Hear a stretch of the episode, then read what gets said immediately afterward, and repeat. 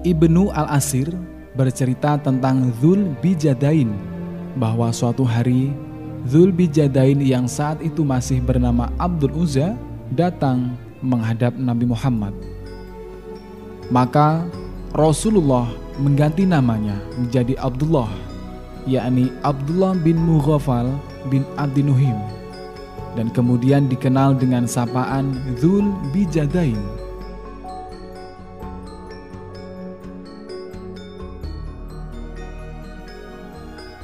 Menurut salah satu pendapat, nama Zul Bijadain disematkan kepadanya karena dia mendapatkan bijat itu dari ibunya. Dan ibunya itu memotong pakaian tersebut menjadi dua bagian. Dengan pakaian itulah dia menemui Rasulullah Shallallahu Alaihi Wasallam.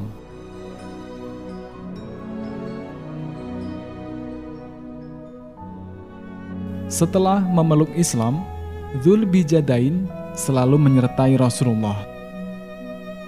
Hidupnya sangat sederhana, tetapi dia tekun beribadah dan rajin membaca Al-Quran.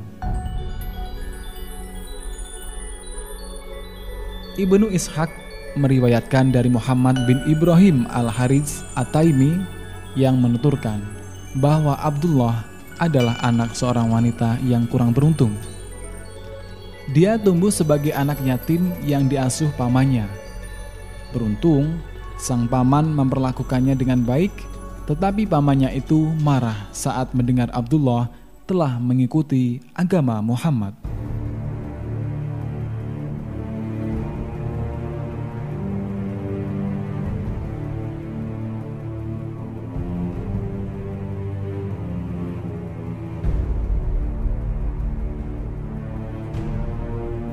Dia berkata, "Jika benar engkau telah mengikuti agama Muhammad, kuambil semua yang telah kuberikan kepadamu." Dia menjawab, "Aku benar-benar telah menjadi seorang muslim." Maka, tanpa berpikir panjang lagi, pamannya mengambil semua yang telah diberikan kepada Abdullah, sehingga yang tersisa hanya sehelai kain yang melekat di badan.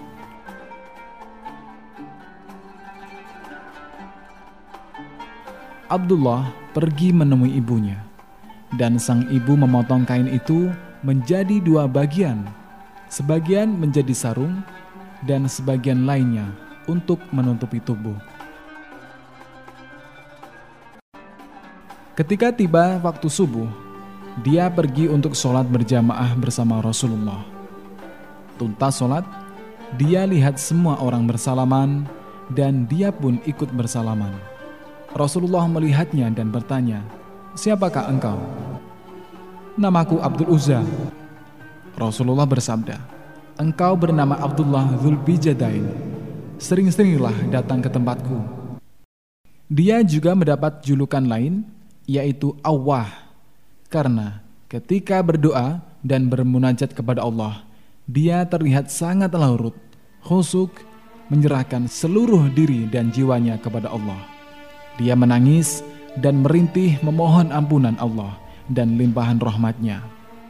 Lisannya tidak pernah berhenti dari membaca Al-Quran. Bibirnya selalu basah berzikir kepada Allah.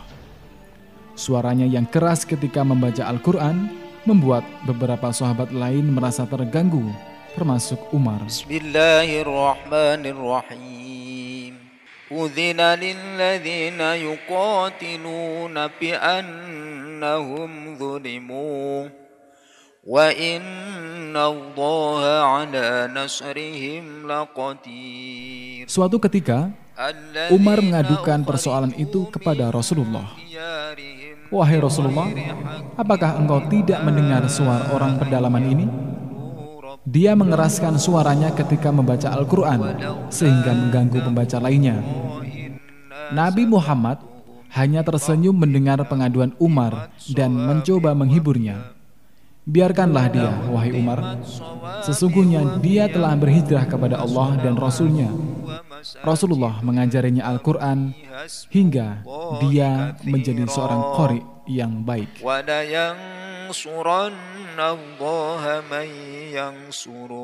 إن الله لقوي عزيز Hatinya selalu dipenuhi rasa cinta dan rindu kepada Allah dan Rasulnya, sehingga setiap kali berangkat ke medan perang, dia memilih rombongan yang mengiringi Rasulullah. Seringkali dia berdoa memohon kepada Allah agar diwafatkan sebagai syahid. Namun, dalam beberapa kali peperangan, dia tidak pernah mendapatkan kesyahidan. Dia merasa berduka karena sangat mengharapkan kemuliaan pahala sebagai syahid.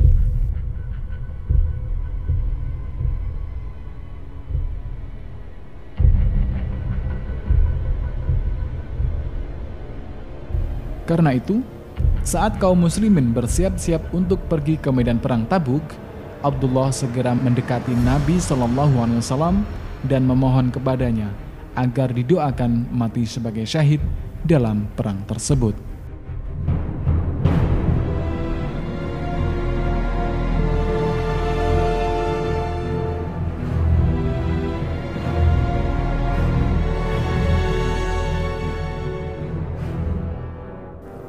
Dia berharap terbunuh akibat sabetan pedang atau tusukan tombak musuh.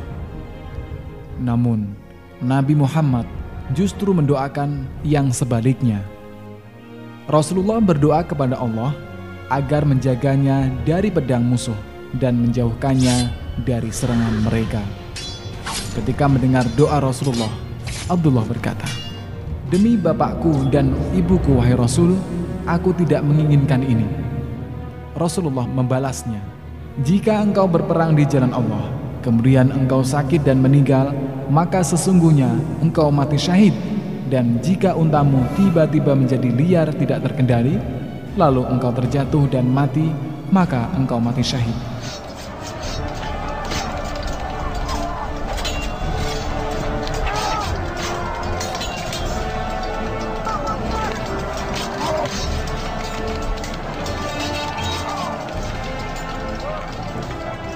Tidak lama setelah perang tersebut, dia terserang penyakit demam.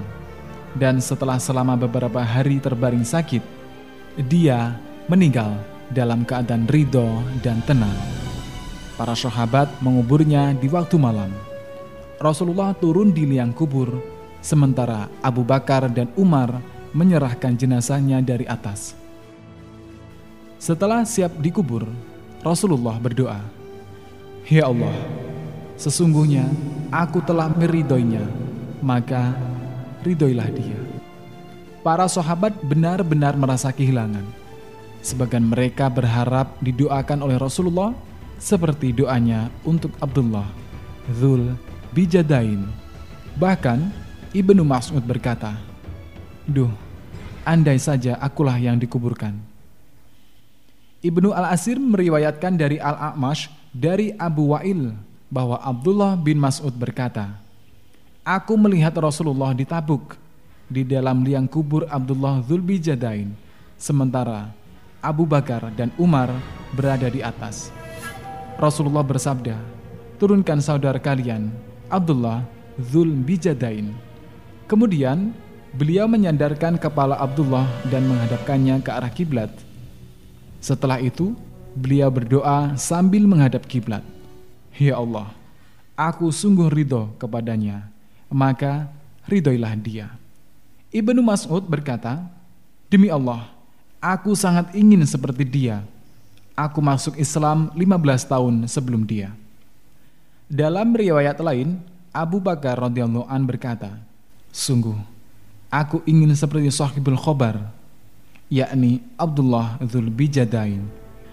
Sungguh mulia akhir hidupmu Wahai Abdullah Zul Bijadain, engkau mendapatkan akhir yang bahagia karena didoakan Rasulullah di liang kuburmu.